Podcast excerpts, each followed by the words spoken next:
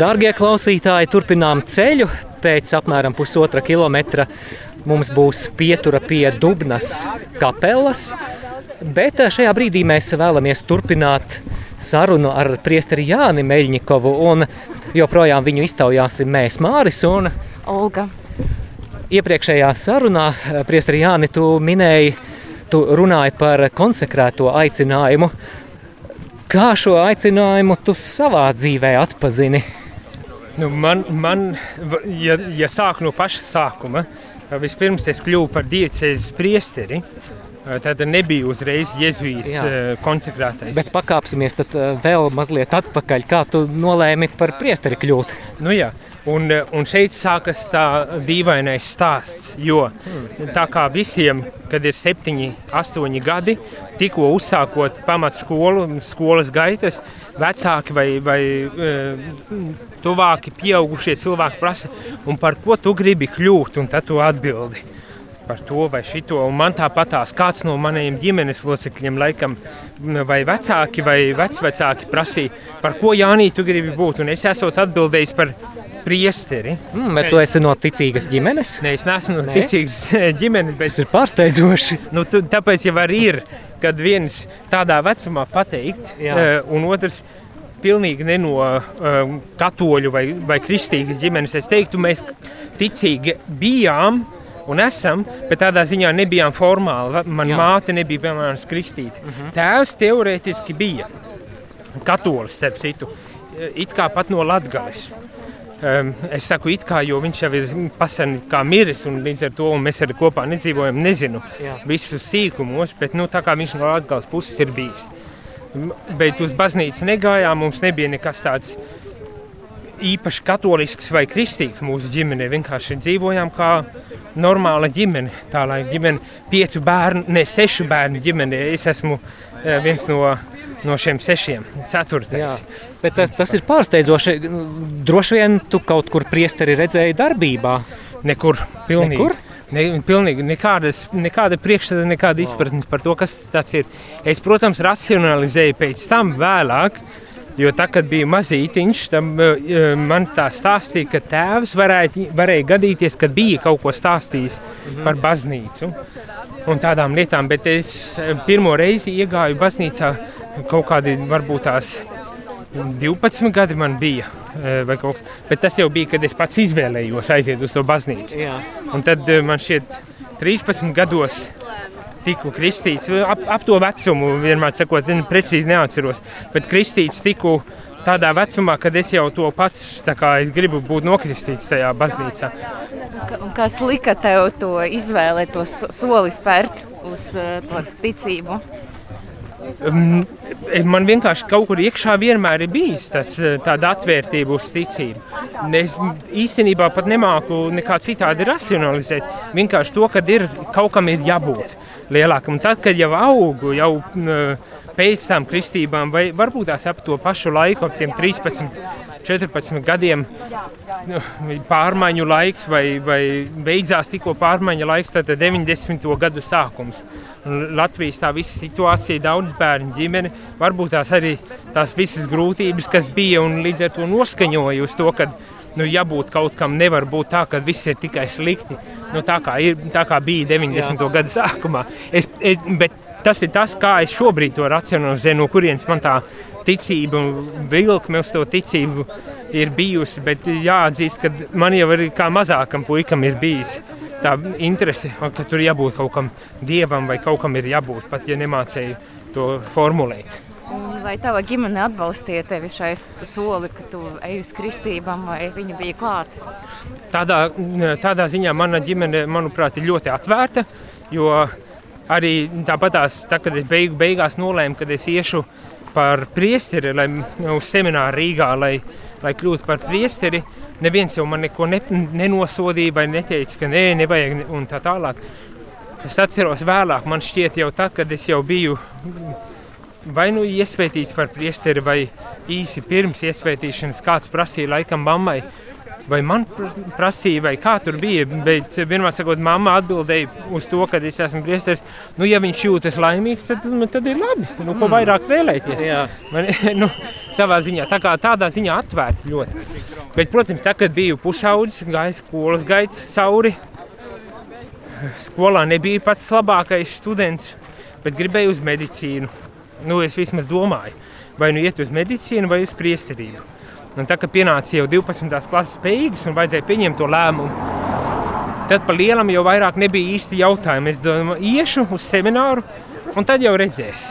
Jā. Ja būs, tad būs, ja nebūs, tad jau es varēšu mainīt kaut ko ar savā dzīvē. Tā kā es bez kādām tādām lieliem stresiem vai kā, pēc vidusskolas beigām aizgāju uz semināru. Sešus gadus ar nomācījos ar kā visiem savām grūtībām un, un, un izaicinājumiem, bet eh, beigās tomēr sapratu, ka tas ir mans ceļš. Un vēl līdz pašai dienai laimīgi arī dzīvoju. Jā. Vēl mazliet pakāpjoties atpakaļ, no kuras draudzes tu stājies seminārā? Es stājos no jūrmālas, majora draugs. Tajā laikā e, mani vecāki tur arī dzīvoja. E, vai mana mamma un mēs tur e, dzīvojām. Bet kā priesteri man iesvētīja Liepājā, jo principā visu savu bērnību līdz tiem 13 gadiem vai 12 gadiem augu saldū. Tā es sevi tā kā drusku Jā. par kurzemnieku uzskatu. Um, sakarā ar to bērnības atmiņām un, un visādām tādām lietām. Bet jā, iestājos no Rīgas diecēs un pēc tam pārgāju uz uh, Liepājas diecēs, kura man iesvētīja, trīs gadus kalpoju. Tad, protams, atnāca tas aicinājuma jautājums par konsekrētajiem. Kāpēc, kāpēc par jezītu? Jā, kā kāpēc par jēzuītu? principā jau semināra laikā, man šķiet, pirmā kursa beigās es aizbraucu uz Lietuvu, kur es zināju, ka ir jezuīti, ar domu aprunāties par lūkšanu dzīvi, par vispār par garīgo dzīvi. Jo, nu, viens tu esi seminārā, bet nevienmēr uzreiz automātiski nozīmē, ka tu dzīvo um, tā, nu, tik garīgu dzīvi, kā tu gribētu. Nu, viss tā ikdienas rutīna, nu, viss jau pārņem. Un tad man ir meklējumi ne, negribu tikai studēt, bet gribu ar to garīgo dzīvi kaut kā spēcīgāk izdzīvot. Braucu, aizbraucu uz turieni, un tā es katru gadu sāku braukt uh, uz Lietuvu pie jēzuītiem. Rekolekcijas, tās klusuma rekolekcijas, uh, septiņu, astoņu dienu garumā katru gadu sāku iet. Un uz semināra beigām jau es zināju, ka es gribu arī uh, pats kļūt par jēzuītu. Un tad tā sanāca sarunā ar bīskapu bīskaps, tajā laikā bīskaps Vilhelms Lapels bija, kurš arī iesvētīja mani. Un, un mēs tajā sarunā runājām, un viņš teica, jā, nu tā ir tava izvēle. Vari iet prom no semināra, lai aizietu pie jēzuītiem, vai arī vispirms kļūt, ar, kļūt par priesteri, un ja vēl gribēs pēc tam, tad varēs arī doties uz, uz eh, pie jēzuītiem. Un es tā otro variantu izvēlējos. Jā. Nospriedu, jā, cik man bija četri vai pieci gadi jau seminārā nodzīvots, ir diezgan ie- liels laika posms, un es spriedu, nu tiešām varbūt tās nav kur skriet, jo zinu, ka gribu būt priesteris par jezuītiem, tātad kopienas dzīvi un to. Vēl neesmu līdz galam pārliecināts, lai gan tāda iekšēja sajūta bija, kad gribu ar to. Un tā es arī izdarīju. Viņa uh, pakavējoties pie šī jautājuma par tavu braukšanu uz Lietuvu, kā tev palīdzēja tieši tas jēzuītu atbalsts, jēzuītu garīgums, tava garīgajā dzīve, lūkšanas dzīve un tā tālāk. Kas bija tas, kas tev ir tajā piesaistīja un kas palīdzēja tev? Nu, man jau eh, viena milzīga lieta bija, kad eh, tas šķita tik eh, piezemēti un cilvēcīgi. Nu, tādā ziņā, ka tur nebija nekādas lielas teoloģijas eh, izvērstas, kur mēģina kaut ko pamatot un kaut kā eh, iestāstīt tev kaut ko, bet vienkārši jā, praktiski. Kā lūgties, ko darīt, eh, kādi ir tie soļi. Un ko tu savu lūgšanu pa, panāc vai izdari. Un tas bija tik, tik ļoti tādā cilvēcīgā sarunā un, un valodā, ka man tas šķiet ļoti pieņemams. Man ne, uh, un, un līdz ar to jā, es jūtos, jā, tas man, man nepatīk mistificēt lietas. Dažreiz man šķiet, ka mēs baznīcā visu drusku par daudz mistificējam. Arī tādas lietas, kas nu, kuras tur nevajag nemaz mistificēt. Nu, tā, tā ir vienkārši lieta. Un, un, un es vienmēr no tā drusku tā baidījos. Bet eh, laikam tas pats lielākais bija tieši tās attiecības, kas bija tik cilvēcīgas, tik, eh, nu, um, teikt, neuzskatīja tevi par kaut kādu dumju vai vēl, vēl par kaut ko, bet pieņēma kā tādu, ar tevi runāja cieņpilnā veidā un, un, un valodā, kas šita saprotama man un pieņemama man. Un, un līdz ar to es arī, tas man uzturēja, tas man palīdzēja iet tālāk. Jā. Un te jau, protams, es arī lasīju pēc tam jau par pašu to garīgumu, un tad tur lasīt jau var visādas gudrības un teoloģiski pamatotas un tā tālāk. Bet tas pirmais konteksts un tā attieksme, jezuītu attieksme un, un veids, kā tas notika, man, man ļoti, ļoti uzrunāja. Kur eh, notika tava formācija? Un tad formācijā es aizbraucu uz Angliju. Vispirms uz Angliju uz diviem gadiem tas ir noveciātu. Parasti, lai kļūtu par jezuītu, tas ir pirmais tāds uh, formālais uh, posms, kuram ir jāiziet cauri, kur tu iepazīsties ar ordeni, bet arī ordenis ar tevi iepazīst. Skatās, vai tev ir tas aicinājums, vai ir kaut kādas iemaņas, talants, vai nu, kas tur ir, kāpēc. Bet arī dod man iespēju iepazīt ordeni. Tad mēs novecātu laikā braukājām pa dažādiem apustulātiem, jeb kalpojumiem, vai nu slimnīca, vai skola, nevis vai, vai, bet divu gadu laikā iziet visam tam cauri. Tāpat tās svētceļojums, starp citu, bija viena no pieredzēm. Man tā bija Spānijā piecu nedēļu garumā. Staigājot bez naudas, Kompostela. Ne, tur ir tāds Ignācija no, no Loyolas dibinātāja, ordeņa dibinātāja ceļš, kas ir no Loyola, tas pie Bilbao, tātad ziemeļos vairāk, līdz pat Barcelonai. Tad iziet cauri visām tām vietām, tur man reize viena no tādām lielajām vietām, un tā tālāk iziet tam visam cauri. tad to gāju. Un tad, pēc tam, kad pabeidzu Anglijā šos divus gadus noviciāta, saliku solījumus. Dzīvot šķīstībā, nabadzībā un paklausībā. Ne? Un, un vēl joprojām dzīvoju, bet pēc tam, kad saliku solījumus, tad vajadzēja braukt tālāk, lai drusku vēl piedzīvotu kopienu un arī e, pamācītos. Un te es braucu uz Čikāgu, kur es e, studēju garīgo vadību. Tad, kā palīdzēt cilvēkiem e, klausīties dievā un atbildēt dievam. Tādas apmācības arī divā pusē vai triju gadu garumā. Tā kā tas bija beigts, parasti jezuītiem ir daudz garāk, apmēram 12 gadu garumā tā formācija līdz kļūst par priesteri. Bet tā kā es jau biju priesteris, tad man ar šiem jāsaka, pieciem gadiem tā formālā formācija, apmācība bija cauri. Teorētiski es vēl joprojām skaitos formācijā līdz, līdz pašām beigām. Be, traktors. jā, traktors. Kā jau svētceļojumā, jā, traktora skaņu efekti radio klausītājiem. Mm, bet eh, spītējot traktora skaņā, mēs turpinām sarunu. Un, jā, šis bija īsumā tavs dzīves stāsts, tavs aicinājuma stāsts. Bet, eh, Pievērsīsimies tagad Radio Marija, jo tu esi kļuvis par Radio Marija Latvijas jauno direktoru.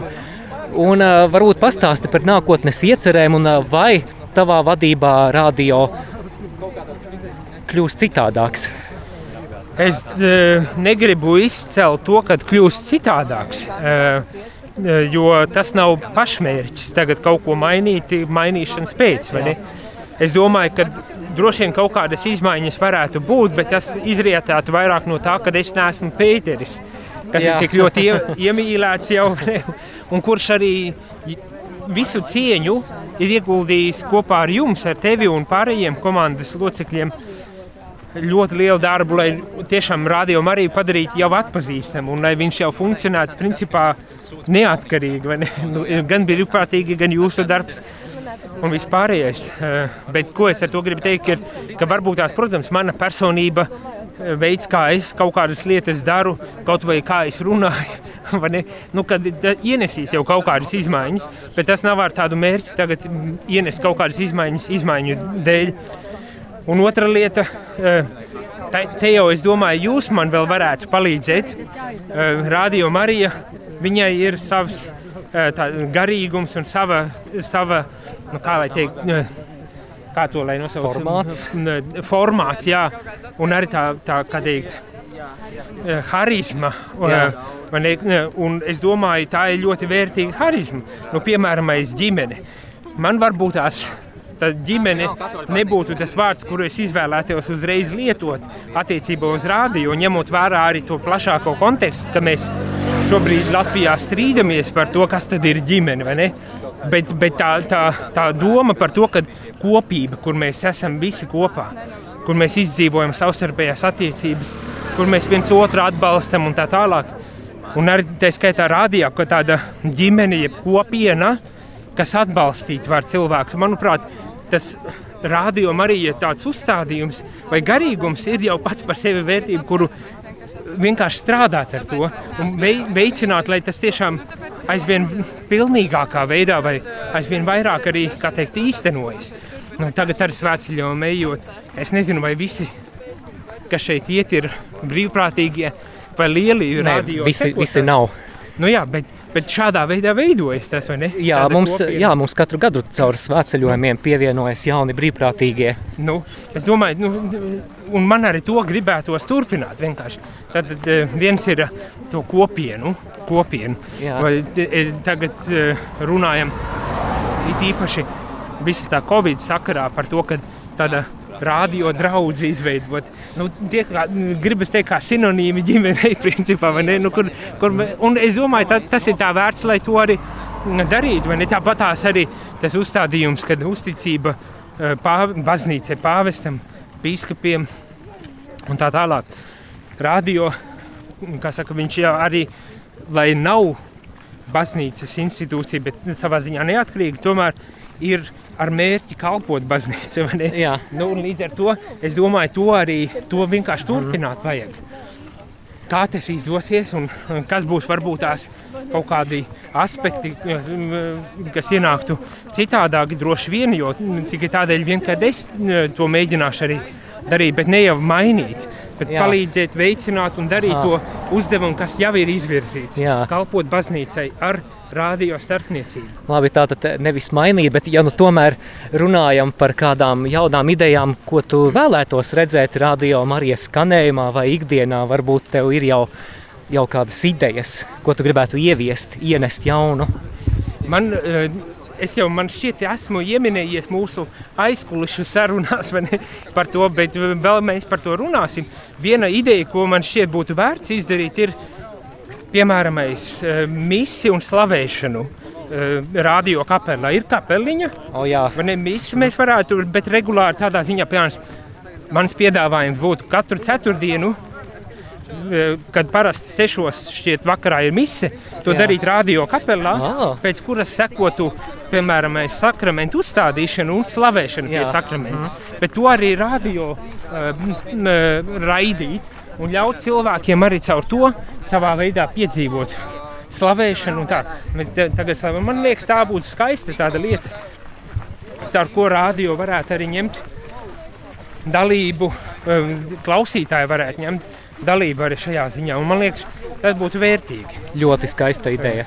Tā ir viena no tādām idejām. Eh, Kas man vēl? À, vēl viena lieta, ka, ko arī Pēters tā minēja. Viņš saka, ka gribētu ļoti to teikt, universālās baznīcas aspektu uh, izcelt. Un viena ideja, kas varbūt tās ir drusku sarežģītāk, ir, ka pāvesta katehēzes un angelus to uh, kunga eņģeļa lūgšanu jā, varētu- no Vatikāna. Nu, jā, piemēram, mm. bet, nu, bet es saprotu, viens ir valoda, otrs kad mēs dabūjam tos tekstus un vai mēs paspējam to visu īstenot. Varbūt tās ja nav tiešai, bet tik un tā ļaut ar kādu kavēšanos, bet palaist. Nu, tādā ziņā, lai, lai ar pāvesta balss mums Latvijā būtu klātesoša.